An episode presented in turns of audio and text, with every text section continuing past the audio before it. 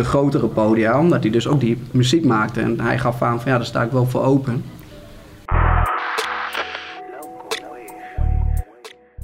Welkom bij de Backstage Legal podcast in samenwerking met Local Wave Amsterdam.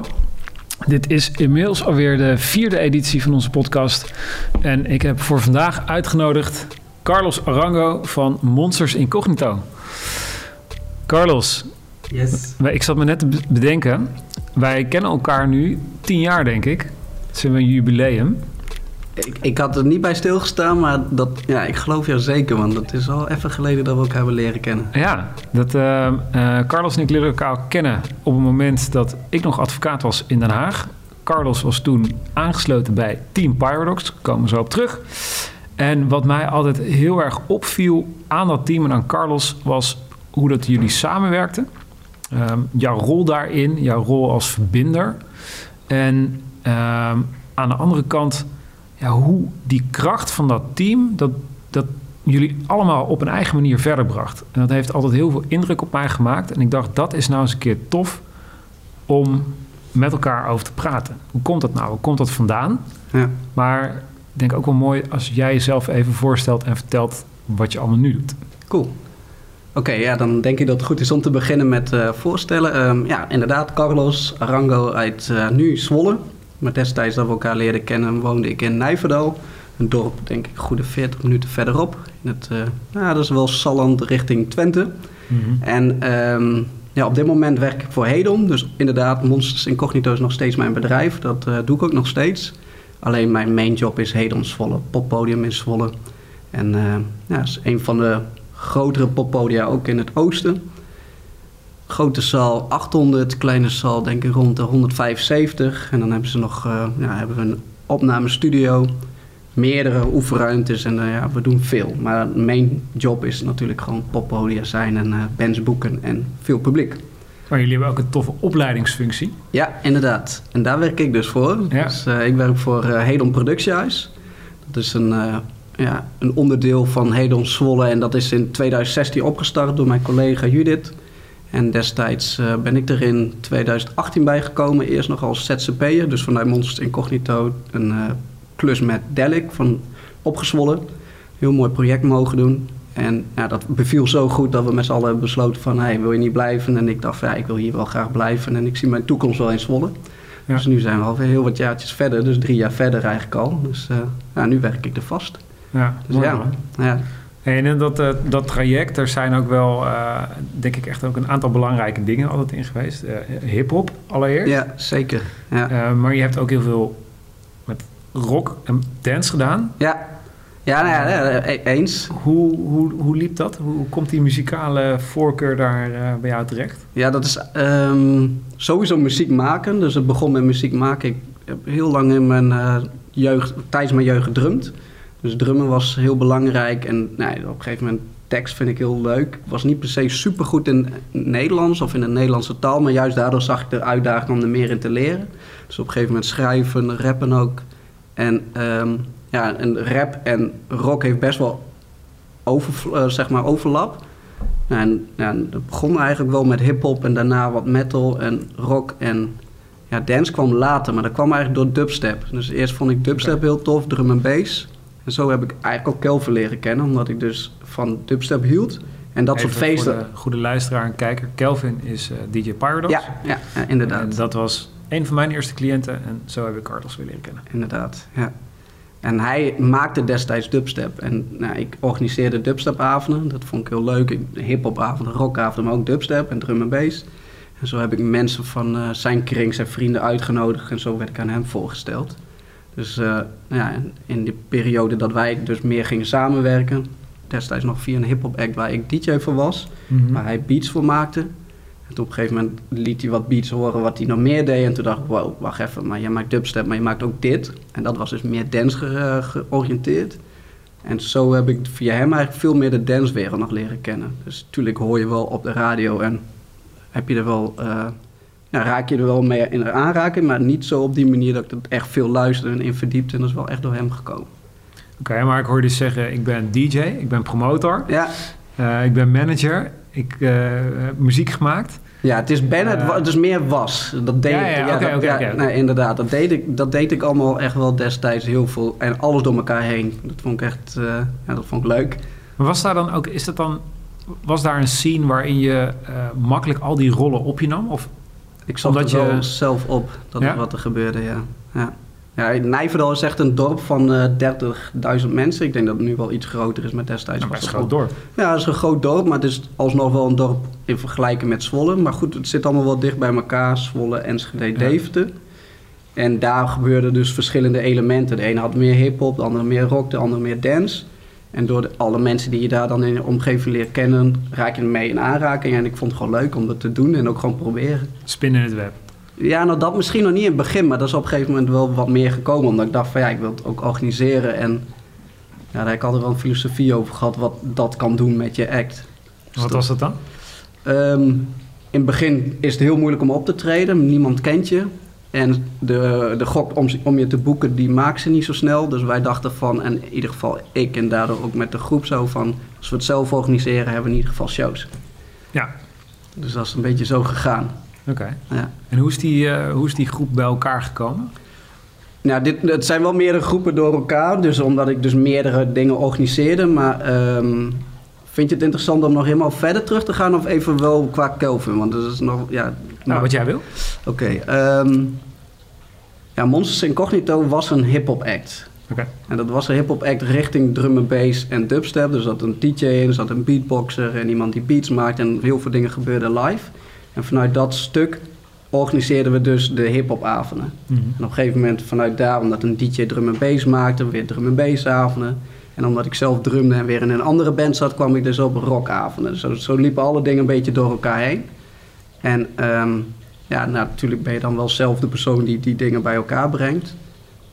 Dus wellicht wel spinnen in de web, maar toen nog niet zo actief. Het was meer dat ik mijn ding deed en het leuk vond, dus echt hobbymatig. Ja.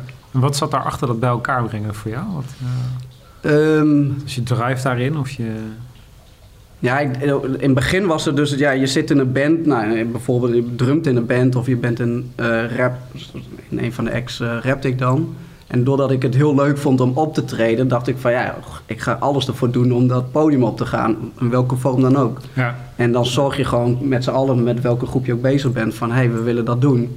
Dat gaan we organiseren. Maar goed, dan heb je een avond georganiseerd, moet je ook publiek hebben. En nou goed, de zaal doet mee, moet je nog wat tickets verkopen voor de zaal. Dus ja, dan ga je met de hele groep dat eh, doen. En ik was dan altijd wel de persoon die zei van, nou, doe jij dit, doe jij dat, dan Ja. doe ik dit. En zo werd het dan wel, eh, ja, dat is een soort van, de drive weer begon met ik wil optreden. Maar je, je kreeg wel die groep bij elkaar. En, en je kon Ja. het wel aansturen. En, Ja, ja, ja, in het begin is dat dan wel hobbymatig en vrienden onder elkaar en dat je het super leuk vindt om te doen. Dus dat is denk ik wel, vriendschap is wel de basis van veel dingen wat ik deed. En ehm, ja, ja, sommigen hebben dat wat natuurlijker en ik heb voor mijzelf wel wat natuurlijker dat ik mensen gewoon ja, kan vragen van hey, zou jij dit willen doen? En als je het ook nog slim aanpakt qua dat je tickets verkoopt, kun je nog weer wat geld daaruit creëren en zo betaal je dan ook weer wat mensen. Dus ja, dan haken mensen wel aan. Ja, ja, dat... Oké, dus de- dat was eigenlijk het, hè, het voorstuk. Ehm, dan op een gegeven moment kom je in zo'n team terecht... Wat, eh, waar echt heel veel potentie op doorbraak eh, zit. Eh, ja, dus ja, uiteindelijk met Kelvin uh, Pilot. Ja. Ja. Ja, ja, nee, ja, dat is... eh, Hoe ging dat? van tevoren weet je het natuurlijk helemaal niet. Dat is echt eh, geen... Ik had geen idee wat er uiteindelijk, uiteindelijk is gebeurd, dat dat zou gebeuren. Het is wel dat je het hoopt. Maar wat er met hem was, is dat hij best jong was. Dus al wel 16, 17 jaar op dat moment. Ja. En dat hij iets maakte dat ik dacht van... Als jij dat op deze leeftijd al kan, dan ben ik benieuwd wat er nog gaat komen. En zijn persoonlijkheid, dat was ook heel belangrijk. Hij is dus super likable en eh, dat je hem heel, heel erg gunt. Dus dat merkte in de, de eerste meetings met hem, dat hij nog beats maakte voor onze act destijds. Dat ik dacht van ja, zo'n chille guy, die heb je er gewoon graag bij. En dus meerdere elementen dat ik dacht van ik zou heel graag met hem willen samenwerken. En ik was heel benieuwd of hij, dus dubstep, dat maakte hij destijds, maar dat was wel heel alternatief. En ik was benieuwd of hij open stond voor de grotere podia, omdat hij dus ook die muziek maakte. En hij gaf aan van ja, daar sta ik wel voor open. Dus ehm, Ja, op de vraag hoe rol je daarin? Het, ja, je weet niet hoe, je, hoe, hoe soms dingen, soms lopen dingen zo. Mhm. Maar het was wel heel snel dat we hadden van ja, we willen wel samenwerken. We gaan hier gewoon aantrekken en we kijken wel hoe het gaat, maar we gaan er alles voor doen. Dus dat is denk ik wel hoe dat gestart is. Maar ja, via via komt iemand dan zo op je pad, want ik was al een stukje ouder. En hij was nog best wel jong qua, eh, zeker eh, met ervaring en wat hij tot dat moment deed. Ja. En dan, dan komt er een moment dat, dat je dus eh, met een artiest gaat samenwerken. En nou, hoe, hoe ik het me dan herinner is dat eh, er komen vijf gasten uit het oosten van het land. Ja, zeker. En die hebben gewoon een plannetje met elkaar. Mhm. En dat plannetje dat gaan ze uitvoeren. Dus al, je, je had een MC, eh, zessen? Ja, we waren Ja, met had- een je had- MC. Je had, ja, je had MC, je had eh Pyrodox, de Ja. DJ. Dan had je iemand die de eh, foto's maakte, iemand die de video's maakte. Ja. En je had de manager. Exact. Ja, en de videograaf was dan een andere dan de fotograaf. Dus Ja. er waren ook twee verschillende mensen. Ja. Ja. En het mooiste is van hun twee is dat de eerste begon als fotograaf en de andere als filmer en dat is later omgedraaid. Omdat ze gaandeweg vonden van wat ze leuker ja, vonden. Dus dat is ook weer in, die, in dat proces weer ge- eh, geswitcht. En hoe, hoe is dat dan een, een toevalligheid dat dat bij elkaar komt? Want je bent ergens met je vrienden. Ja. Maar ja, misschien zijn er ook andere mensen of zo die, die dat doen. Of Ja, ik je geloof... dan toch voor die, voor die band van die vriendschap dat je denkt... Nou, de- in klik. In het begin waren wij nog geen echte vrienden. Dus die groep, wat later wel echt eh, vrienden zijn geworden, was op dat moment geen vriendschap per se. Mensen gingen wel los wel een beetje met elkaar om. Maar echt als groep, hoe we die vijf, zes jaar hebben meegemaakt, is wel nou, ja, zo gegroeid. Ehm, ja, mijn instelling is niet per se dat het een instelling is, maar ik geloof niet per se in toeval. Ik geloof wel in dat dingen gebeuren en vaak doordat je iets uitzet. Dus bijvoorbeeld Wouter als voorbeeld, Notoire. Die jongen die eh, leerde ik kennen bij dus de hip-hop act die ik in zat. En ik mocht op een podium of eh, op een festival een podium hosten. En hij was daar gewoon als vrienden van een van die jongens die daarin rapte. En hij zei van ja, ik ga vanavond, eh, dat was dus in de middag dat festival. Deel Kleine hadden we daar geboekt en nog een paar andere toffe acts. En hij zei, daarna hadden we dus nog een show in een andere club. Hij geeft aan, ik ga mee. En ik zeg, ja, waarom ga je mee? Ja, eh, gewoon leuk. Ik zeg, ja, maar bier drinken, wat wij backstage krijgen, kunnen we zelf ook wel. Daar hebben we hier niet voor nodig. Oh, ik zeg, maar weet je, wij hebben nog geen fotograaf. Vind je dat leuk? Maar hij, hij deed nog helemaal niks met fotografie. Hij zei, ja, ik zeg, als jij een fotocamera kunt regelen, mag je mee. Dus hij heeft nog die middag ergens heeft hij een camera geregeld, wel via de MC van een van die jongens. Hij heeft s'avonds foto's gemaakt. En zo, ja, zo ging mooi. het dan. ja. Het is zo makkelijk. Zo, ik zeg zo makkelijk, maar zo kan het gaan. Ja, hij had ook gewoon kunnen zeggen nee. Ja, en dan geen idee hoe het dan was gegaan. Maar ik geloof wel in hem dat het sowieso op zijn plek komt met dat soort eh, creatieve dingen. En ook zakelijk hoe hij erin staat. Maar dat is gewoon wat er gebeurde. En ja, dat zie ik dan. Aan de ene kant is het toeval, maar ook gewoon dat mensen een beslissing maken van... ga ik die camera regelen, ja of nee? En dat heeft hij gedaan. En dat is echt te gek. Hoe Ja. het dan uiteindelijk gegaan is. Ja. Nou, mooi. Een mooie ontwikkeling om, eh, om zo eigenlijk het, eh, het verhaal te horen. Zo, weet je, in, in de tien jaar dat we elkaar kennen, hebben we natuurlijk wel eens over gehad van hoe gaat dat. Maar dit is Ja. voor mij wel vette nieuwe informatie. Ja, En- zeker. En dat is echt nog ruim daarvoor dus. Want dat, ja, dat, het moment dat we bij jou kwamen, was het dus echt wat serieuzer. Want toen, Ja. denk ik, in het eerste jaar dat wij met Paradox dus samenwerkten... toen zei ik van ADE, is een heel belangrijk iets. Ben je daar ooit geweest? Nee, nog nooit geweest. Oké, we gaan daarheen. We gaan gewoon op de belangrijkste dag. Maar we hadden toen nog niet echt een budget om al die feesten af te gaan en mensen te leren kennen. Zeg, dat was toen dus tijd, volgens mij de brakke grond heette dat. Kon je heen en dan kon je naar sessies en mensen Ja. spreken. En ik had op dat moment, eh, door mijn werk wat ik deed, kende ik al iemand bij AT Bookings, Stefan Bruinsma. En ik zei, volgens mij is hij heel interessant om mee te praten. Gewoon puur voor ervaring. Het was niet eens met de gedachte van we gaan zitten en hij tekent je. Never nooit niet dat dat de gedachte Mhm. was. Maar hij hoorde zijn muziek en ik wist gewoon al wel dat ehm Kelvin goed is in wat hij doet. Hij is een mega goede producer. Maar we hadden niet de ver- verwachting dat er iets zou gebeuren direct meer. Zo van, hey, feedback, let hierop, let hierop. Maar nou, Stefan zei direct van, yo, ik doe dit werk zo lang. Maar ik heb, en dan heel vaak bij dat soort eh, één-op-één sessies. Hij zei, maar ik heb nog nooit iemand getekend, maar met jou wil ik wel aan de, aan de slag. En toen hadden we al het gevoel van, oké, wacht even, dit is raar, maar te gek. Nou, en dat werd toen serieus. En toen we dat wouden tekenen, toen zijn we dus bij jou gekomen. Van, eh, omdat zij zaten ook zitten, zaten in Den Haag. Ja, klopt. En toen, ja, toen zeiden ze van, eh, dan moet je even eh, ja, toen gingen we opeens aan van, oh wacht even, we gaan een best wel een belangrijk contract tekenen. Wat gaan we nu doen? En dat was, Paradox was jouw eerste dance act? Uh, ja, zeker qua dance. Ja. Hoe was dat, die, die overschakeling? Merk je iets in, in verschil tussen uh, de scenes of hoe, hoe dat je dat Zeker, 100%. Want ik zat dus eerst in de hip-hop scene meer. En ja. ook die hip-hop act merkte ik echt, niemand gunde elkaar wat. En dat is in oh, ja. de loop van de tijd veranderd. Want nu zie je veel meer hip-hop acts met elkaar samenwerken. Ze zien het meer als business. Met elkaar ben je meer, groei je makkelijker. Dus niet makkelijker, maar kan het beter gaan. En dat was in mijn tijd dat ik, daar, dat ik dat deed, was het mega lastig. Mensen wouden gewoon niet samenwerken. Gunden elkaar ook nog niet echt. En, Komt dat dan? Ja, dat weet ik niet. Ik denk dat het uh, een beetje uh, territorium beschermen is. Ja? Zo van, hey, Tegen een paaltje pissen. En dan... Dat ook. Ja, ik denk ook, ja, dat telt mee. Maar zeker wel van, hé, hey, maar dit hebben wij. En om jou daar zomaar in te laten, gebeurt niet zomaar. Dus ja, ik werd heel erg afgehouden. En toen kwamen we in de, kwam ik door, dus door Kelvin in de, in de dance scene. Ja. En we gingen dus in die periode veel meer proberen samen te werken. En dat ging mega, mega snel.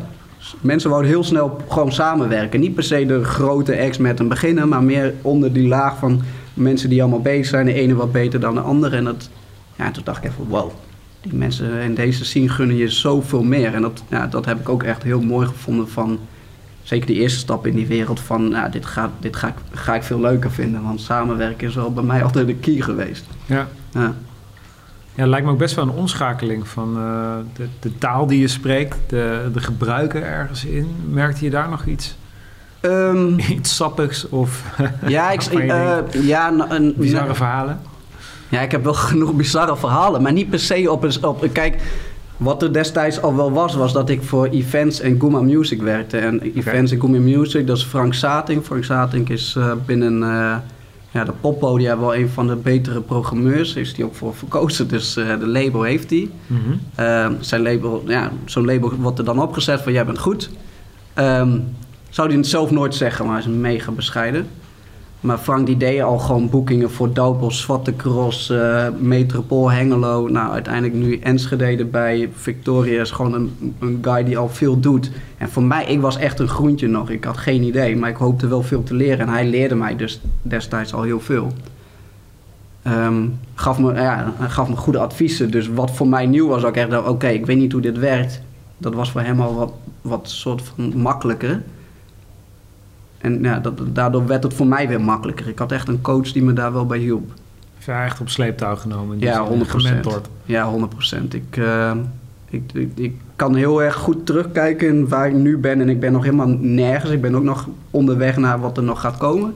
Maar ik weet wel dat waar ik nu ben wel mede is gekomen door bepaalde personen. En hij is een van de belangrijkste daarin. Dat, uh, dat hij destijds zei, mag je stage lopen. Uiteindelijk dat ik zijn uh, PA werd, heb ik vijf jaar gedaan. Dus een personal assistant met alles wat hij deed. Ja.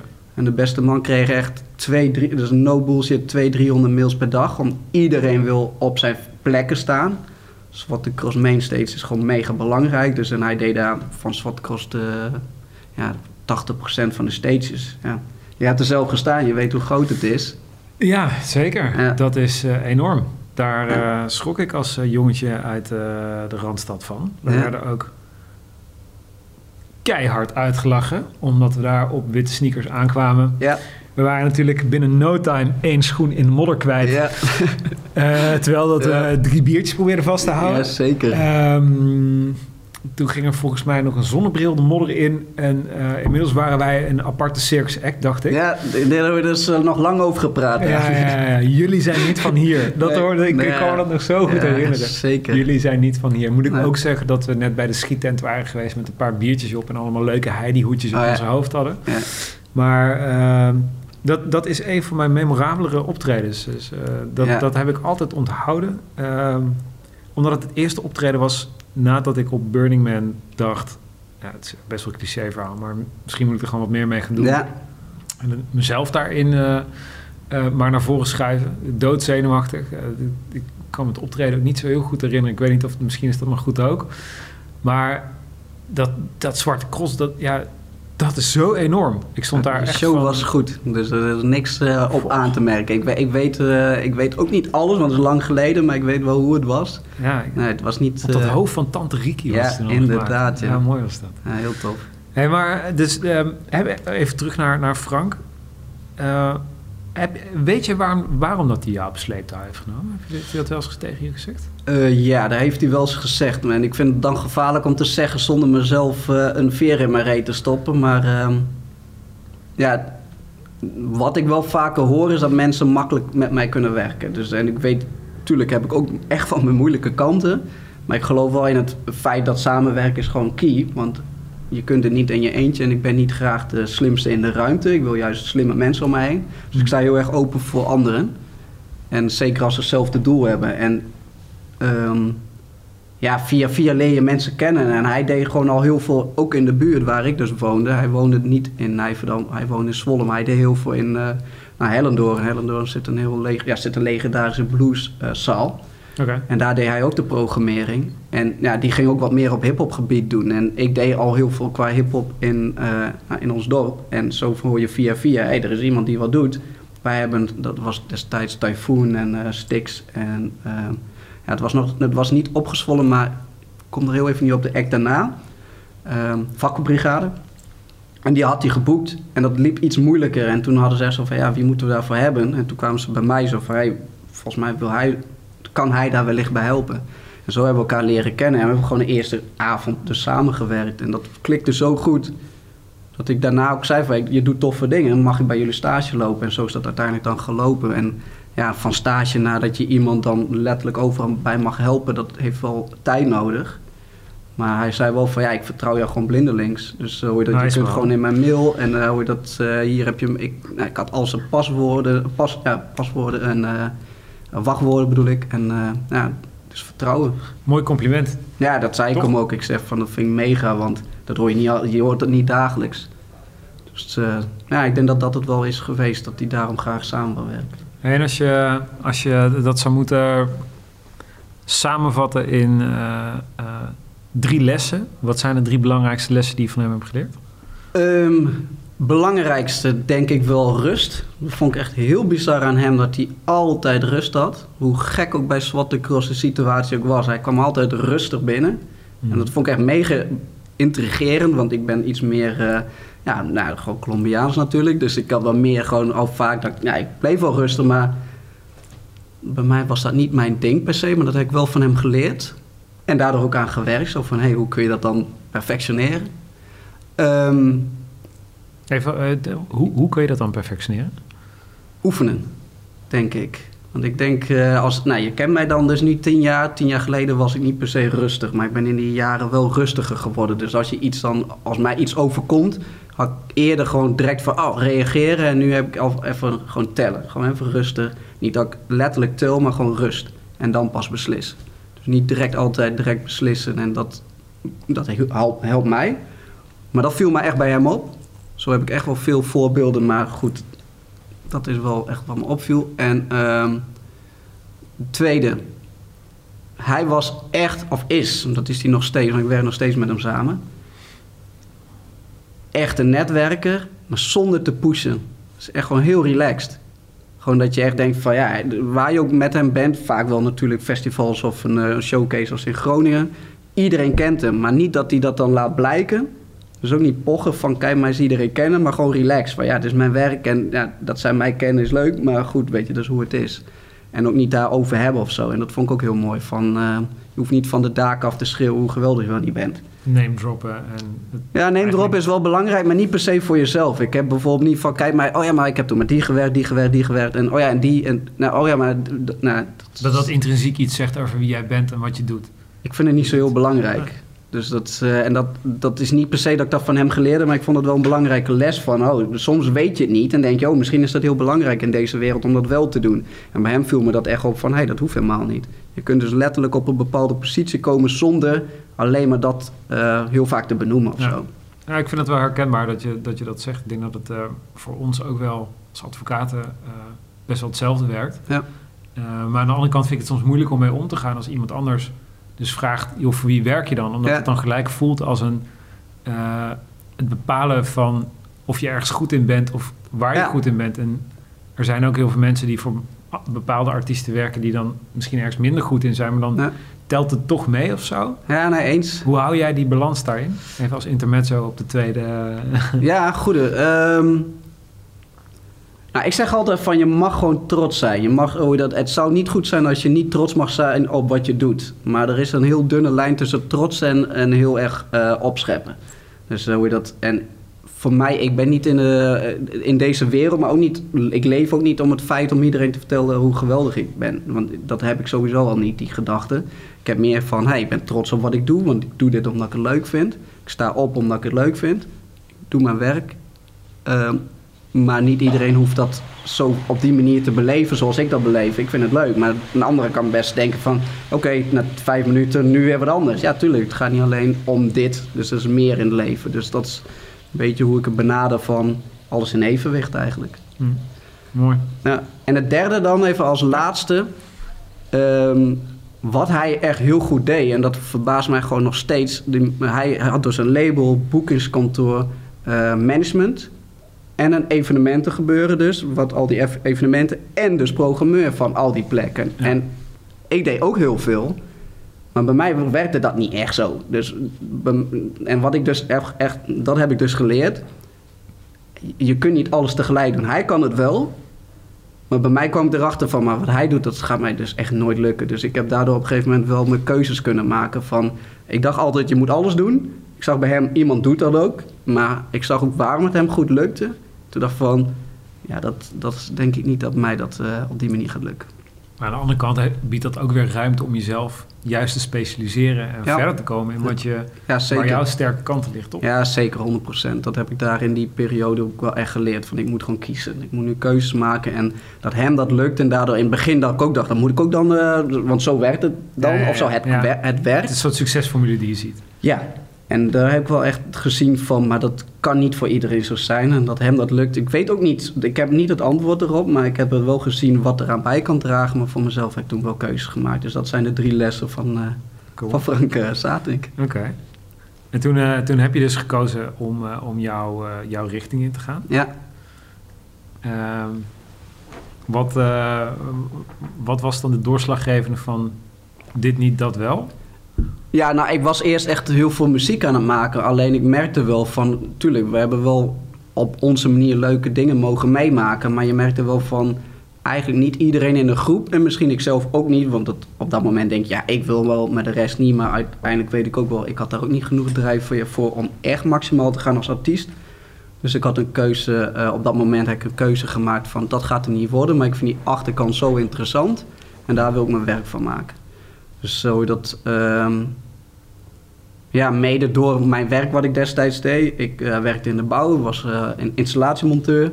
Nou, en dat was, dat was niet mijn toekomst. Dat zag ik wel heel duidelijk voor me. Van dat ga ik niet over 10 jaar, 20 jaar nog steeds doen. Het is gewoon, nu doe ik dit. Maar dat is wel binnenkort voorbij. Dus ik zag wel voor me van wat moet ik doen om daar uit te komen. Daar heb ik wel echt, ja, uiteindelijk gewoon, echt gewoon duidelijke beslissende keuzes moeten maken van hoe je dan nu hier belandt. Sommige vragen, heel veel weten het ook niet. Sommigen hebben echt, die hebben dat niet als van, oh, wisten niet eens dat je dat deed. Maar ja, daar uitkomen en dan hier, dat is netwerk voor nodig. En daar heb ik wel keuze voor gemaakt om dat te doen. En dat is wel een van jouw sterke kanten. en had je dat dan ook, dat, dat, die, uh, dat idee al visueel voor je, dat je daar na, naartoe ging werken? Of was het ja. dat je gewoon stapje voor stapje ging kijken van een beetje aftasten? Nee, nee. Nee ik, had, nee, ik had het echt duidelijk. En dat is best wel crazy, want het is niet dat ik nu heel duidelijk heb waar ik straks sta. Maar ik heb wel een soort van beeld. Ja. Maar ik wist destijds gewoon van, oké, wat ik nu doe, word ik niet per se gelukkig van. Ik had een hele leuke collega daar, maar dat was het dan ook. Ja. Um, en toen dacht ik van, ik moet daaruit. En ja, ja, ik weet niet of het nu heel interessant is om dat stap voor stap te bespreken. Maar het is meer van, ik wist gewoon, ik wil dit werk doen. Evenementen organiseren, op wat voor manier dan ook. Betrokken zijn bij muziek, maar op de achtergrond. En die wereld is super interessant, maar het zijn vaak kleine organisaties die de grote dingen doen. Het zijn niet, ja, tuurlijk, je hebt in, uh, in de mediawereld heel grote producties. Mm. Maar een Douwpop bijvoorbeeld, een tof festival bij ons in de buurt, is 15 nou, op dat moment 17.000 bezoekers. Maar dat is een organisatie van op een hoogtepunt natuurlijk iets meer. Maar de hele jaar dat ze daarmee bezig zijn, vier man. En ik wist dat. En toen dacht ik, ja, hoe kom ik daar tussen? Ze gaan niet zomaar een noob aannemen om dan ook maar daar te zitten. Dus ik dacht, oké, wacht even, dan moet ik wel school. Want dan heb je dus een stage. Door mijn stage kan ik daar zijn, ben ik een goedkope kracht. En als ik daar dan ben, dan ga ik zo goed mijn best doen... dat ze achteraf gewoon echt denken... yo, maar we hebben nog nooit zo'n, tussen haakjes... fanatieke stagiair gehad, we willen hem houden. Ja. Dat is mooi, eh, mooi uitgestippeld. Ja, zo dacht ik daar dus over na. En ja, dat het dan zo loopt is wel... eh, daar ben ik dan wel blij mee natuurlijk. Maar kansen die, eh, die, je die krijg je dan. Ja. Nou ja, het krijg je, die neem je. Weet je, dat, Ja. is, dat is het moment eh, van wel die camera regelen. Ja, En dat is het moment van wel die keuze maken Ja, en wel, eh, zeker. eh, wel die kant op gaan. Ja. Nee, en toen ehm ehm, terechtgekomen bij Monsters Incognito, Ja. is opgericht en echt meer ehm, die kant op gegaan. Dat, dat managen, dat gaat je denk ik ook gewoon goed af, mis hoe ik je ken. Wat, wat, is, Eh, wat, ja. wat is jouw, jouw kracht daarin? Ja, het is niet per se dat het me makkelijk afgaat. Ik leer nog elke dag en ook elke dag ga ik een keer op mijn bek. Maar dat vind ik ook heel leuk. Ik, Ja. hou, eh, ik hou van leren. Ehm, ja, toen de tijd had je dus dat moment van ik moet kiezen. En ik kwam er echt achter van boekingen is niet per se mijn ding. Evenementen organiseren vind ik leuk, maar hoef ik mij ook niet per se echt mega op te gaan focussen. Ik had er meer van ehm, het managen. Daar kwam ik dus tijd, tijdens die periode achter van dat vind ik leuk. En mede door Kelvin kwam ik daar nog meer achter, omdat... Tuurlijk, je werkt ook met iemand die ook heel graag wil. En dat had ik tot die periode nog niet echt. Ik had niet echt mensen om me heen en ook geen artiesten waar ik mee werkte die echt graag willen. En bij hem merkte je gewoon, die wil echt. Dat is gewoon 1 plus 1 is 3. Ja, en dat, dat was dus voor mij van, oké, want ik ben echt eerlijk. In die beginperiode had ik nog helemaal niet veel ervaring op managementvlak. Maar wat ik zei, Frank was mijn coach, dus die kon ik heel veel vragen. Ja. En ehm, dan gaandeweg leer je van, wacht even, oké, dat moeten we niet zo doen, maar dat moeten we zo doen. En zo leer je dus. Dus in die jaren heb ik uiteindelijk wel geleerd van, ten eerste, dit vind ik leuk. Veel blijven doen en me nog meer in eh, ja, specialiseren. Maar gaandeweg leer je. Dat Wat, is- wat vind jij het vette aan managen? Ik vind het het allerleukst om met iemand te werken waarvan in het begin een paar maar zeggen: dit is tof, maar nog niet iedereen. En dan op een gegeven moment dat er meerdere mensen zeggen van wow, wat is dit vet. Dus En, bent talent scout slash manager. ja, ja, ja, dat vind ik het leukst. Dus, en daar eh, iemand dus verder brengen. In Ja. dat, eh, cool. Want ik, ik zeg ook wel, ik heb niet de luxe dat de grote artiesten bij me aankloppen en zeggen: hey, wil je met mij werken? Wellicht komt dat ooit, wellicht komt dat nooit. Maar ik heb wel de, eh, het geluk dat ik via nou, wel mijn eigen organisatie, maar ook de organisatie waar ik nu werk, met heel veel jong talent mag werken. En ja, en dat is zo tof. Hoppa, lekker bruggetje. Eh, met wie werk je nu? Wat zijn je successen van nu als manager? Want je zegt wel, ja, de grote artiesten kloppen niet aan de deur. Maar eh, ik zat net even op je Insta te kijken. Ja. Daar staan toch wel gewoon drie interessante namen. Zeker, ja. Ehm, ja, ik mag op dit moment met Naber. Dat is een ja, dance, ik, wij noemen het Europese dance act uit... eh, Niet de Eurodance van, eh, van vroeger. Ja, TikTok. nou ja, hij, vindt dat, hij vindt het wel leuk, maar ja, er zit heel veel stijlen in. Het is eh, vanuit Stockholm naar Berlijn naar hoe dat, Frankrijk. Hij, hij heeft familie in Frankrijk, dus het zijn heel veel invloeden wat zorgt voor deze sound. Dus, dat- En dat maakt hij allemaal live, produceert hij en live speelt hij ook live. Dus dat maakt echt heel, heel uniek. Ehm, dan heb, en hij woont in Zwolle, dus dat is een act uit Zwolle. Dan heb ik Nonchalance. Nonchalance is een eh, act uit, woont op dit moment in Utrecht, maar komt uit de buurt van Zwolle. En eh, hij is een eh, indie pop rap act. Dus het is Nederlandstalig, Ja, beetje alternatief. Rap invloeden zitten erin, maar wel minimaal meer poppy. Maar wij noemen het dan indie pop rap act. oké. Dus ja, dat is dan Nonchalance. Ehm, ook heel tof. Hij maakt dus zijn muziek, dus, eh, zeg maar, hij produceert zelf en hij schrijft ook zelf. En, ja, dus dat maakt hem heel erg krachtig. Dat ik ook, ja, laatst werd ik door iemand gebeld van... hey, ik, ik zie jou met iemand werken, ik, zoek zelf producer, vind ik super makkelijk. Hoe doe je dat? Ja. Toen zei ik, ja, ik heb wel het geluk dat deze mensen het gewoon allemaal zelf maken. En eh, ehm, dat is ook eh, de t- 12 van 3 voor 12 eh, Ja. geworden. Ja, ja, ja, dat is echt bizar hoe dat gegaan is. Ja, dat is, een- dat is een ding van hoor. Dat ik geloof sowieso wel in kracht van eh, de talent. Dus als iemand echt wil komen, dingen vanzelf. Nou, vanzelf klinkt wat makkelijk, maar het komt op je pad. En eh, dit hebben wij twee jaar geleden op papier gezet. Van ja, dit is gewoon voor jouw stijl muziek. Zijn zij de gatekeepers die je moet hebben aan jouw kant. Klaar. En ten eerste dat ze over je schrijven, maar het hoge doel is dat ze zeggen van... hé, hey, jij bent een van die talenten, want dan gaan ze in dat jaar met jou aan de slag. Ja. En ehm, ja, goed, weet je, dat probeer je al wel een paar keer. Je probeert te testen, maar ik weet ook gewoon bij eerdere mails die kant op... was er niet echt per se... eh, ja, dan hoor je gewoon een soort van, ja, interessant, that's it. Maar ja, op een gegeven moment dan blijf je dingen doen, dingen doen, dingen doen. En ik geloof wel in het feit van eh knetterhard werken. Gewoon echt knetterhard werken. Dus bijna geen moment dat we geen contact hebben en dat we niet bezig zijn. Mhm. En dan komen die dingen op je pad. En dat is, dit, ja, het is wel op die manier gegaan. Maar goed, ik was ook wel verbaasd dat het gelukt was. Want ja, het is geen gegeven. Er zijn mega veel lui eh, actief in Nederland. En dat hij daar dan wel bij zat, vind ik dat wel echt... eh, ik ben er heel, heel trots op. Maar meer trots op hem en ons als team... dat we hem daarbij mogen begeleiden. Want is, ja... Komt hij wel weer terug, hè, dat team Ja, dat je daar omheen hebt gebouwd? Ja, want dat, dat, dat zien mensen niet, maar we zitten met Hedon bij hem en dat is toch wel 30 man die daar eh, hun ding doet binnen Hedon. Dus los van wat we met Hedon Productiehuis doen. Mhm. Maar links of rechtsom heeft iedereen wel een keer met hem te maken. Dus dat zijn wel echt veel mensen die hem gunnen en helpen. Naast natuurlijk dat hij een onwijs groot talent is. Ja, mega. Ja, dat is echt niet normaal. En, eh, jou, eh, en je managt ook nog Michelle. Ja, dat is eh, dus, eh, maar dat is een hele andere hoek. Dus Michel is een, eh, ja, wij noemen, ik vind influencer wel echt een lastig woord, omdat wanneer ben je dat wel en wanneer ben je dat niet. Bij haar hebben we, nou, wat wel mooi is om te zeggen, zij heeft bij deze twee jongens, dus Naber en Nonchalance, die weten al heel goed wat ze willen. Zij heeft dat ook duidelijk, maar bij haar zitten we echt nog weer aan de beginfase van welke kant gaan we op. Dus nu zullen mensen zeggen ze is influencer, maar dat is helemaal niet ons doel om dat per se te Nee. zijn Maar met, met bijna 31.000 volgers op eh, Instagram eh, kom je wel een eindje. Eh, ja, dan, dan, ja, daarom zeg ik, dan noemen mensen dat influencer, Ja. maar dat is niet ons, nou, heel eerlijk, we willen met haar heel graag de presenterende kant op. Dus Ja. dat ze presentatrice Cool. wordt, want dan kan ze, dat heeft ze op Zwarte Cross ook mogen doen, namens Zwarte Cross. Ja. En dan zie je echt gewoon hoe makkelijk zij mensen gewoon meekrijgt. En ja, dat is ook een likable iemand die dat heel goed zou kunnen en ook al doet. Maar daar willen we dus in groeien.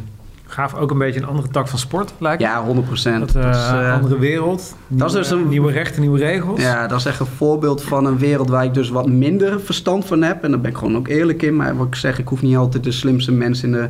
Sowieso ben ik dat niet, maar hoef ik ook niet de slimste mensen in de ruimte te zijn. Dus wij vragen daar ook onze advies in. En dan hopen we ook weer te leren van... wat kun je wel doen, wat kun je niet doen en wat is handig. Nou ja, plus je hebt natuurlijk al wel een skillset en ervaring opgebouwd om beter met dat soort dingen te kunnen omgaan. Ja, Ik weet niet of je dat herkent, maar aan het begin van je carrière ben je heel erg bezig met, als het ware, symptoomoplossingjes. Dus je, je bent Ja. aan het kijken van, oké, hoe kan ik dit nou oplossen, hoe kan ik dit nou oplossen?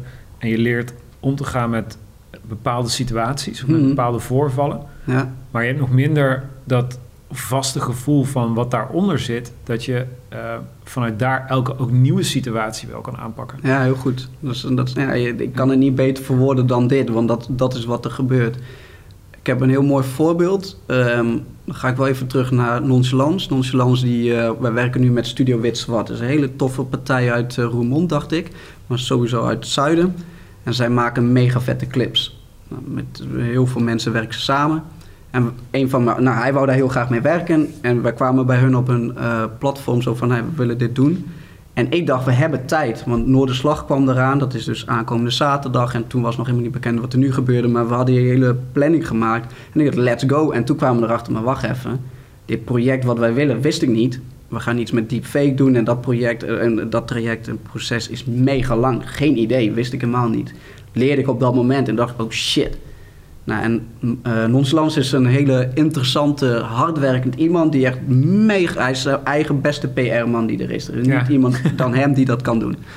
En toen dacht ik, hoe, hoe, dus- hoe ga ik dit hem uitleggen? Want dit was niet het plan. En in het verleden had ik dan wel van, oké, open gesprek. En dat moet je ook nog steeds hebben. Maar nu dacht ik door ervaring van, ja, ik moet hem gewoon al wel alternatieven bieden. Gewoon al van tevoren bedenken wat zou kunnen. En door mijn ervaring heb ik nu iets beter door van, wat kunnen we dus hiermee doen met deze situatie? En dat legde ik hem voor en het was gewoon klaar. Terwijl ik uit het verleden wel eens merkte van, dan heb je lange discussies. Ja. En dat is wel iets van, eh, ja, dingen worden ik hoop echt, dat, want ik wil nog veel meer leren. Ik hoop dat dit in de toekomst nog makkelijker wordt. En dat je nog meer ruimte hebt om toffe dingen te doen. Want in het begin, ik denk als ik dit tien jaar geleden op mijn bord had gehad, had ik geen idee wat ik had moeten doen. Omdat dan heb je zulke grote dingen op je bord. Waar je eigenlijk helemaal niet kunt schuiven. Want dat album of uh, single moet dan eruit zijn met clip en kan niet later.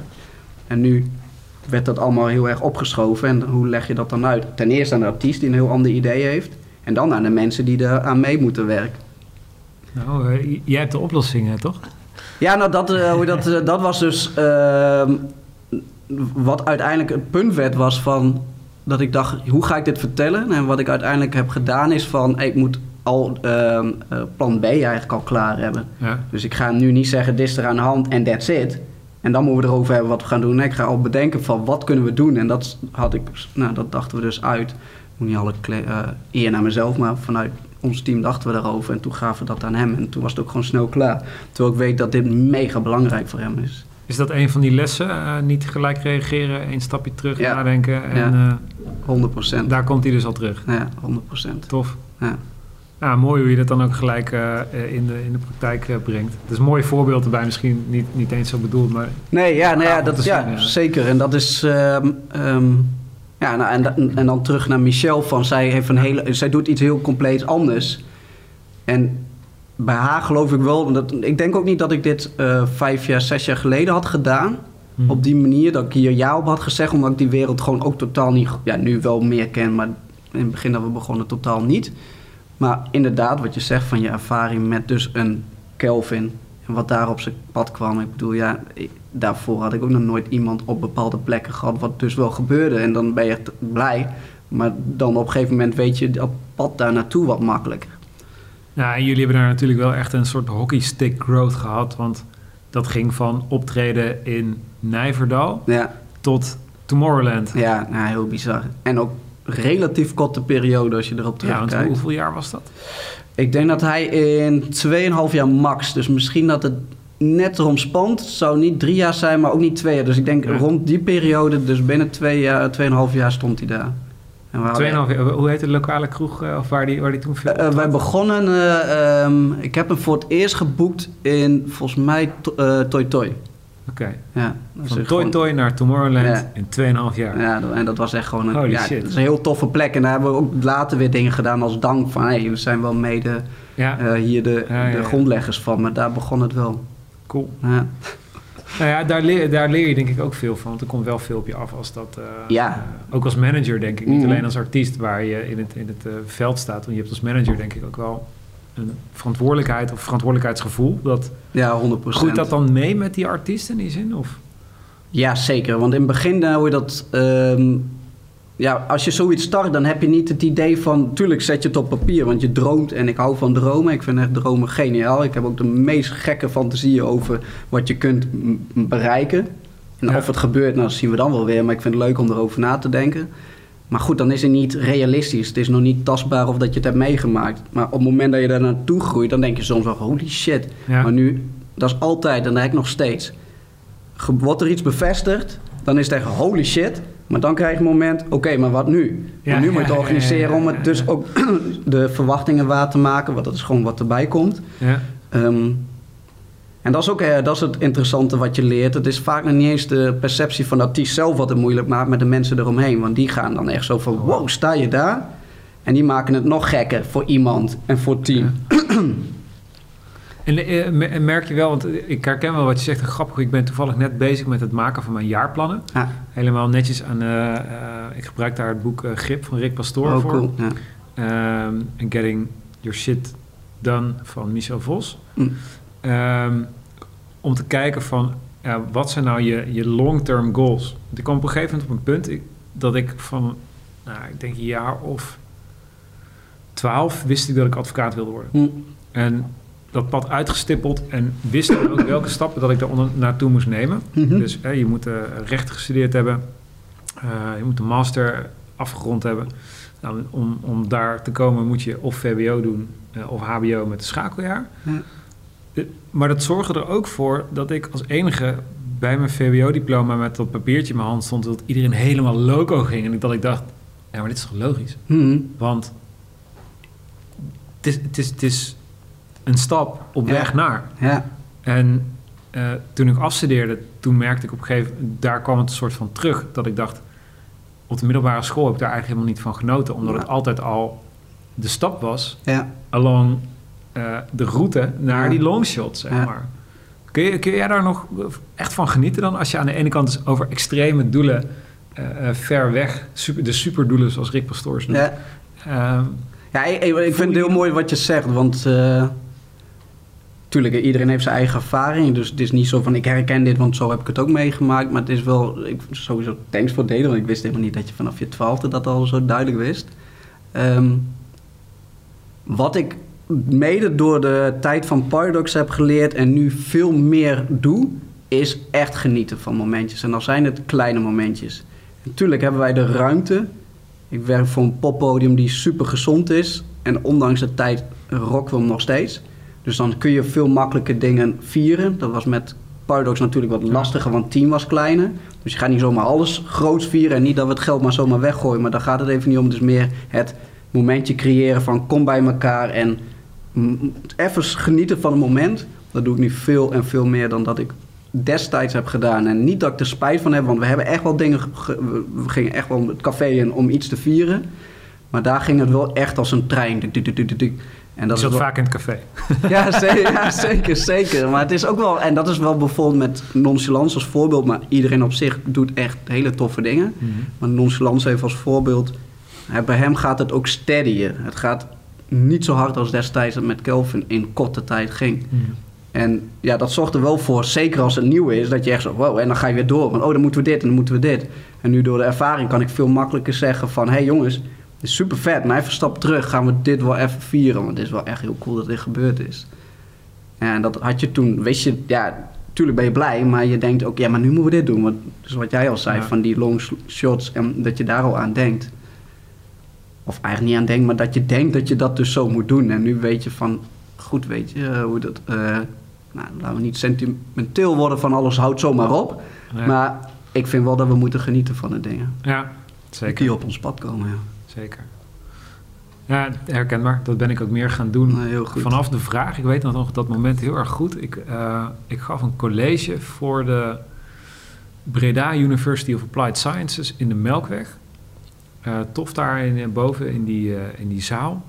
En ik vertelde eigenlijk dat verhaal hè, van eh, ik, eh, ik heb altijd advocaat willen worden. Ik wist al heel snel, ik wil naar die middelbare school. Ik wil naar eh, studeren in Leiden. Ja. Vroeger wilde ik dan nog per se naar de Zuidas, maar ik ben blij dat ik dat uiteindelijk niet heb gedaan. Ehm, en ik wilde een eigen, een eigen kantoor. En toen vroeg een jongen daar, die zei: Oké, maar als je dit dan hebt bereikt, waar droom je dan nog van? Ik: Oh, yo. Dat is echt een hele Eh, tricky ik, kwam vraag. hier, ja. ik kwam hier om een verhaal te vertellen Ja. over auteursrecht en naburenrecht en muziekrechten. En ja, dat echt hit me right in the gut. Ja. Maar wel een heel mooi moment om te gaan, inderdaad te gaan denken van... oké, van welke kleine dingetjes zijn dan je nieuwe dromen? Moet ik dan een nieuw longshot goal gaan maken, een superdoel... en die heel ver in de toekomst eh, zetten? Daar ben ik nu mee bezig. Om dat echt concreet te krijgen, te visualiseren en te voelen. Ja. Maar in die periode, en dit is inmiddels ook al vier, vijf jaar geleden... gewoon genoten van de kleine dingetjes. Ja, heel goed. En dat... ehm, ik Mooi denk dat dat echt uit zo'n onverwachte hoek komt. Want dat verwacht je niet uit een zaal dat iemand dat dan vraagt of roept. Of hoe dat dan ook gaat. Dan Nee. van, wow. Nee. dat het eigenlijk een levensveranderend veranderend moment is. Ja, dus als je kijkt, thanks. nice. Ja, nee, het was ook echt een hele... dit- Blijf dat doen. Blijf dat doen. Meer mensen. Nee, het was ook echt een hele grote, donkere zaal. Want het is, Ja. eh, en en ik, ik kon ook niet zien wie dat vroeg. nee. Dus dat maakte het, maakte het heel gek. Maar wel eh, ook wel weer heel, heel interessant om dat op die manier een keer, eh, keer te ervaren. Ja, heel maar goed. je, je, je tip op dat vlak dus, is dus wel blijven genieten van kleine dingen. Ja. Maar ook het hebben van long-term goals. ja, 100%. Dat moet je altijd hebben. Ja, nee, natuurlijk. Ja, korte termijn de- denken is nodig. Maar als je dat alleen maar blijft doen, houdt het op. Ik Ja. denk dat je sowieso moet je vooruit denken. Dus dat is ook, eh, zoals met Naber als voorbeeld. ehm is een mega talentvolle jongen. En ik, ik geloof gewoon, wanneer de wereld weer een beetje normaal doet, die gaat Europa door. En, en dat heb ik dus met Popronde ook echt met hem meegemaakt. Hij zou ook in de Melkweg uh, eindshow doen van Popronde. En we hadden dus, de periode begon zittend, dus dat was best lastig. En toen op een gegeven moment mocht het open, werd er gedanst. Die eerste heb ik niet mee kunnen maken, doordat ik dus met Nonchalance ook op tour was. Maar die in Arnhem bij uh, Luxe Live mocht ik wel meemaken. En dat is gewoon bizar. Mensen die gingen helemaal los. En ik zei ook van, hoe dan? Hoe ben je zo jong in de carrière en dat je dit zo knap doet? Gewoon echt mensen pakken. En toen heb ik hem ook gezegd van, ik weet dat je al doet, want hij heeft dat op zijn laptop. Maar ik zeg, pak een blad, zet het erop, zeg gewoon wat je wilt. Want ik weet zeker dat het je gaat lukken. Links of rechtsom gaat dat jou gewoon lukken. En dan heb je het over drie, vier jaar, maakt niet uit, al vijf jaar. En of we dan nog samenwerken, dan kies je zelf. Daar gaat het mij niet om, maar doe het voor jezelf. En die korte termijn dingen hebben we ook natuurlijk. Dus we zitten ook wel van wat gaan we in, de, wat gaan we in februari doen, zijn we nu mee bezig. Wat gaan we tijdens de lente doen, wat gaan we in de zomer doen. Maar nou, het is wel echt goed om uh, daar in de vet ook iets neer te zetten en daar gewoon naar te streven. Ja. ja. En jij begeleidt dat proces en de planning en de ja. bijschaven. Ja, bij ons, uh, bij uh, dus Mons Incognito, daar doe ik Michel, uh, Michel bij. En ehm, vanuit Hedon doe ik dan Naber en Oncelans. Dus wel even goed om die twee te scheiden qua hoe ik dat aanpak. En bij Hedon heb ik dus mijn eigen management division. En dat doe ik samen met Mano, dat doe ik samen met Annerieke. En daar hebben we nog twee mensen die we extern uit, uh, inhuren. Um, en wat mijn rol daar is, is eigenlijk day-to-day management met algemene management. Okay. Alleen, we hebben het wel heel duidelijk verdeeld dat financiën bij de finance afdeling ligt. En nou, uh, is onze uh, subsidieadviseuse. Mega goed in wat ze doet. En die richt zich daar weer meer op. Manu heeft wat meer de grotere lijnen. Hoe je dat, uh, um, ja, en daar schakel ik een beetje tussen wat doen we per dag. Maar ook wat doen we over de longshots. En um, ja, dat... Als voorbeeld, we hebben een hele mooie subsidie voor nonchalance via Fonds uh, Podiumkunsten mogen binnenhalen. Dat was in 2000, eind uh, 2019 werd dat bekend en dat was dan voor 2000, uh, oh wacht even, 2020 en dat werd voor 2021, 2022, zo moet ik hem zeggen. Ja, en dan zit je dus met per dag wat moet je doen, want hier hebben we het, zo hebben we dit besproken. Maar ook wel van, hey, vanaf het begin, wat gaan we dus over twee jaar, wat hebben we dan af te leveren? Ja, dat werkt dan wel zo.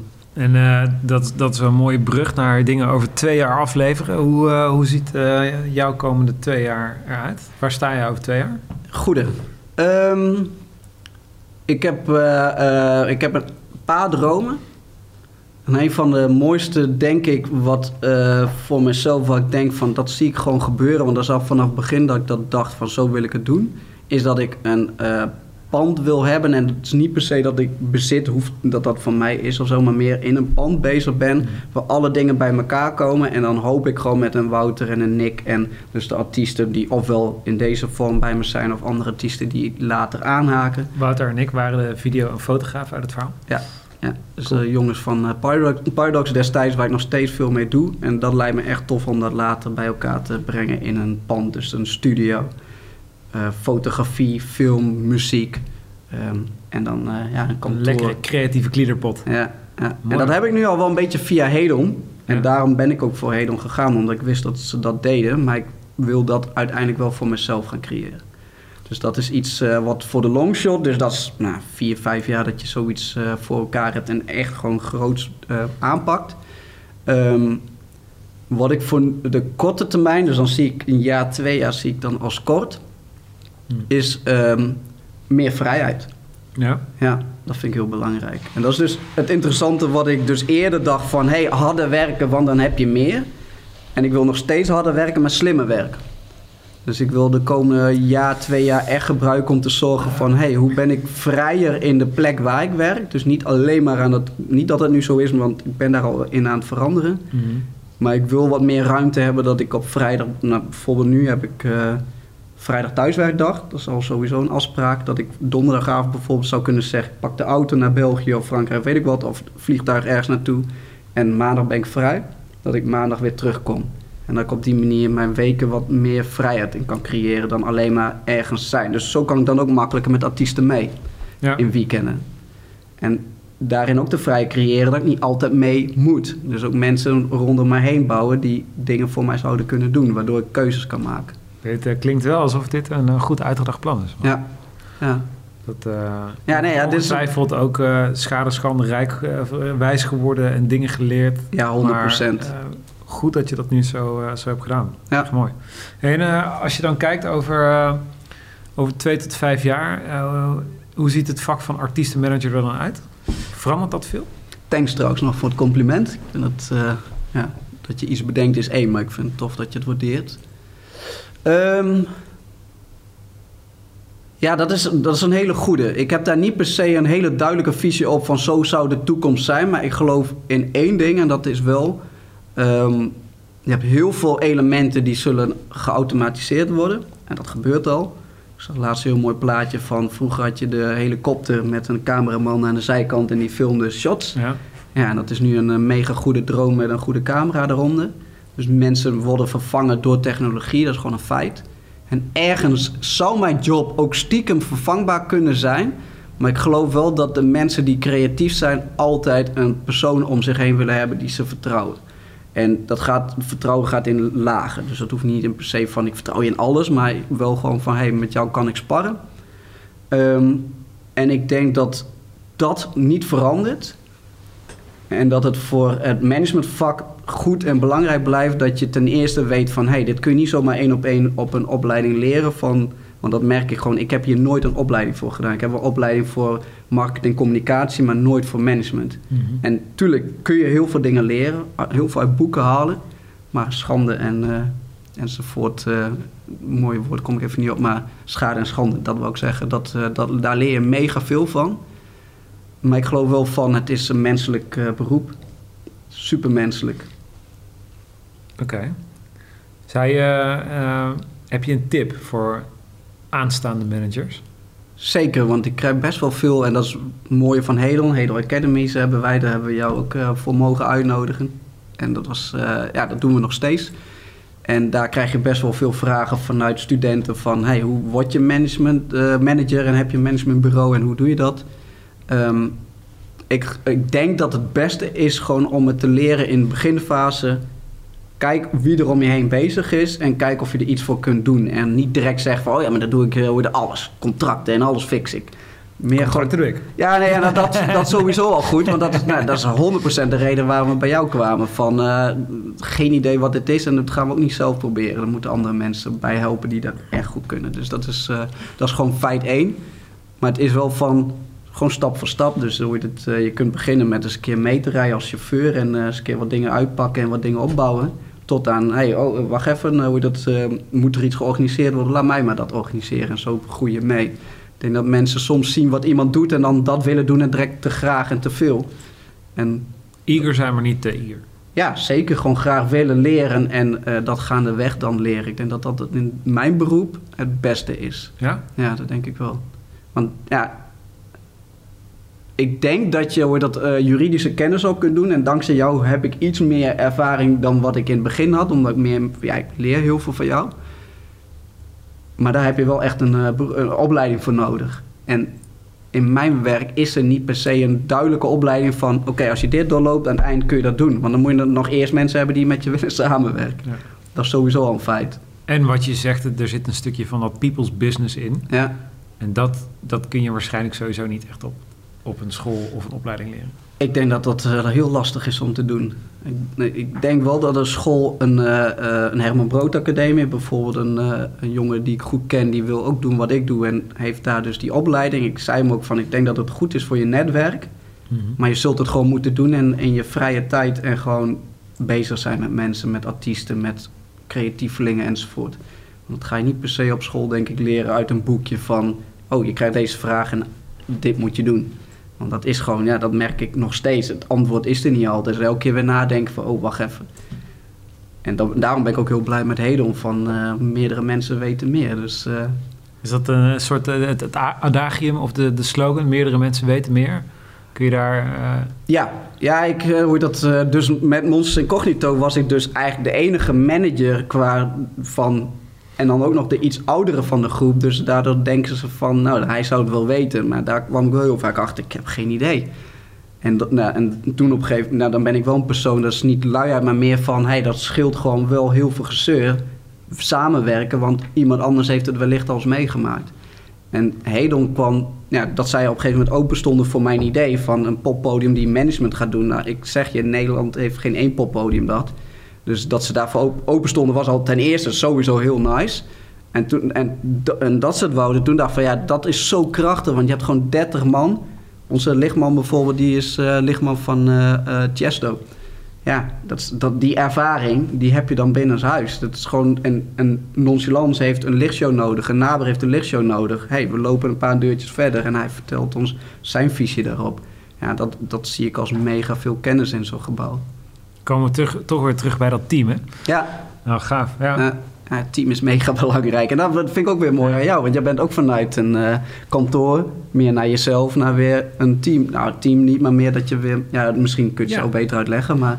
Nou, zeker. Ja. De- vanuit, een, vanuit een kantoor, in een kantoorstructuur, merkte ik gewoon in het traditionele met, met structuur met partners en waar je een, een dienstverband hebt, Ja, dat je daar, of dat ik daar ehm, minder goed uit de verf kwam. Dat heeft te maken met kantoorpolitiek. Dat heeft Mhm. te maken met dat je 10 tot 30 man in hetzelfde vormpje wil gieten. ja, En ik herinner me ehm, daar, nu is het heel normaal thuiswerken, maar er, er was daar een omstandigheid dat, eh, eh, waardoor ik echt graag even buiten kantoor wilde werken. ja, En dat wil niet zeggen dat ik koffie zat te drinken, maar ik wilde ergens anders werken. Dat had te maken met een ziekenhuisopname. Ja. Toen dacht ik, nou, dat, hè, dan kan ik daar, eh, daarbij zijn. mhm, Dat was niet eh, voor mezelf overigens, maar toen moest ik maar vrij nemen. ja, Toen dacht ik, maar wil je nou liever dat ik ergens anders werk of dat ik vrij neem? Want als ik vrij neem, lever ik sowieso niks op. ja, En dat soort kleine dingen, daarvan dacht ik, ja, dan, dat past niet bij me. Dus dat voelde voor mij niet als groep of als team. nee, Ehm, toen ben ik het zelf gaan doen. Toen heb ik eh, in 2017 mijn eigen bedrijf opgericht. En kwam er na een paar jaar achter, ik kan niet meer in mijn eentje. Er, is- er is een soort maximum van wat je in je eentje kan Ja, bereiken, exact. wat je in je eentje kan ja, doen. exact. En ehm, natuurlijk werk je wel samen met, met andere mensen. Het eerste wat ik heb gedaan, ik kan niet heel goed rekenen, is een accountant nemen. Ja. En super blij, kost veel geld, levert heel veel rust op. Ja, En toen ben ik een beetje begonnen met een team te bouwen om me heen met mensen en, en te gaan kijken van eh, hoe kan ik meer rust creëren, maar Mhm. ook hoe kan ik nou beter worden eh, in een samenwerkingsverband en, en mensen mijn dingen ook leren. En samen ondernemen is dan weer veel leuker. Dus voor mij kwam dat Ja. gevoel wat ik eigenlijk tijdens die eh, periode dat ik in dienstverband was heel erg had gemist, dat teamgevoel. Dacht ik, ik ga dat nu gewoon zelf creëren. En ik Ja. begrijp nu eigenlijk pas eh, hoe, hoe prettig dat dat is. ja, Het is natuurlijk wel iets wat ik in mijn studententijd en eh, daarvoor eh, veel heb gedaan. In de studentenwereld is een soort van enorme speelplaats Mhm. waar je constant allerlei commissies en feesten en dit Ja. en dat en zus en zo ja, kan zeker, organiseren. Zeker. Ehm, maar ik, ik ging er, en dat is misschien een beetje bleu van mij, ik ging er namelijk ook maar vanuit dat dat in het, in het echte leven en in de, de werkmaatschappij, dat het dan ook zo gaat. Ja, En daar kwamen in één keer hele andere belangen bij. ja, en in jouw wereld heb je ook gewoon nog veel meer dan mensen voor zichzelf kiezen. Denk ik. Eh, hoe bedoel je dat precies? Nou, de advocatenwereld, dat mensen toch gewoon eigen carrière kiezen. Je werkt voor je eigen carrière meer. Ehm, nou ja, er er is echt een, een splitsing. Want bij mijn eerste kantoor had ik wel... eh, ik had een aantal hele leuke collega's. En een daarvan was, eh, was ook eh, mijn mentor. En die zei gewoon, ik vind het gewoon prima, weet je. Ik heb, eh, ik heb een huis, ik heb een kind. Ik vind het prima om gewoon zelf niet te hoeven ondernemen... en gewoon elke maand geld op mijn bank Ja. te hebben. En dat is fijn. En ik, hoef ook niet meer, ik ga ook niet meer doen dan dat. Snap ik, ja. En je hebt eh, eh, mensen die eh toenertijd nog heel erg streefden naar partner worden bij een kantoor, cashje, status, ego, Mm. werk. Maar eh, laatst stond er ook weer een interessant interview in de, in de quote over dat eigenlijk op de Zuidas ook steeds minder mensen voor partner gaan. Misschien heeft dat te maken met eh, onze leuke millennial generatie. mhm. Wacht maar tot eh, Gen Z komt.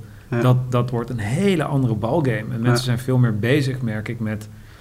Ja, het klinkt allemaal heel cliché, maar work-life balance. Mhm. En dat... Nou ja, soms zitten er bij mij ook al weken tussen van, van 70 uur of meer. Maar Ja. Dat is niet een heel sustainable businessmodel. En als je het dan hebt over lange termijn Ja. doelen... kun je je afvragen, brengen die me daar dichterbij? Ja, Of als je heel diep van binnen kijkt, verder vanaf. Ja, Ja. ja. een hele goeie. Dat is de vrijheid van een ondernemer. En, Mhm. en eh, ik denk dat die vrijheid meebrengt dat je, eh, als je dat voelt en daarin gelooft, ehm, beter werk aflevert. En het maakt het nog vetter als je dat kan delen met andere ondernemers om je heen. Dus dat, eh, dat eh, pand eh, snap ik heel goed. Als je besluit om dat in Amsterdam te doen, dan hou een plekje voor me vrij. Nice. ja, nee, ja, zeker, zeker. Ja, nou, dat is het hele interessante werken waar hoe Nederland dan weer is verdeeld. Is dat,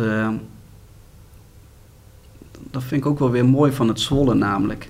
Ik heb, ik denk nu anderhalf jaar geleden, dus niet om dit af te zeggen hoor, maar ik zou het echt te gek vinden om dat in een, in een pan zo nog weer meer bij elkaar te brengen.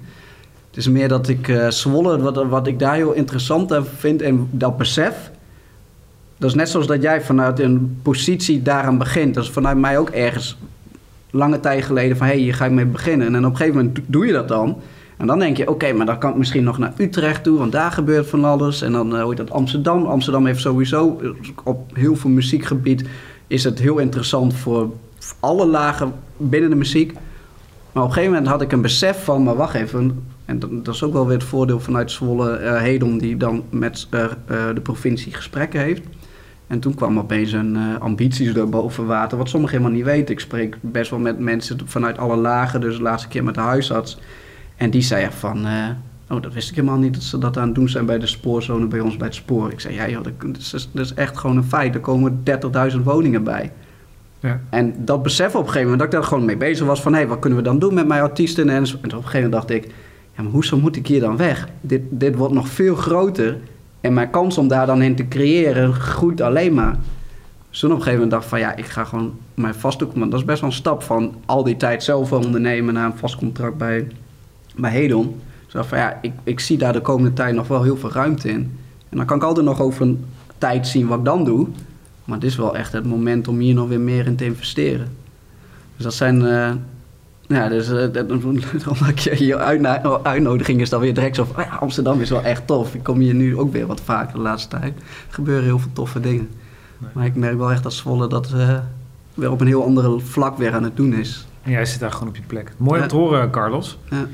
Ik uh, wil richting de afronding gaan van het gesprek. Ik wil je heel hartelijk bedanken dat je hier kwam. Uh, je kennis kwam delen, maar ook uh, dat je je zo persoonlijk daarvoor hebt opengesteld. Want even los van het, uh, het interviewpraatje vond ik het ook gewoon echt een mooi gesprek met je. Ik wil, nou, dan gooi ik hem toch wel weer een klein beetje, nou, een klein beetje, ik gooi hem heel groot terug. Dank voor de uitnodiging en thanks voor dit gesprek. Maar ja, dat weten we, dat zei je ook van tevoren. We hebben altijd wel leuke gesprekken. Dus, ja, nou, ja, daar ben ik heel blij om. En jullie, als je kijkt of als je luistert, uh, bedankt voor het kijken naar de Backstage Legal podcast. Dit is de vierde editie. Samenwerking met Local Wave Amsterdam. Um, volgende keer zijn we terug met twee andere mannen die al eventjes in deze uh, aflevering voorbij kwamen. Nick en Wouter van Rap Agency. Uh, en daar gaan we het hebben over het wel en wee en ontwikkelingen in de creatieve agency sector, fotografie, videografie en alles wat daarbij komt kijken. Maar natuurlijk ook hun verhaal met obscure techno nights en alles wat erbij komt. Tot dan!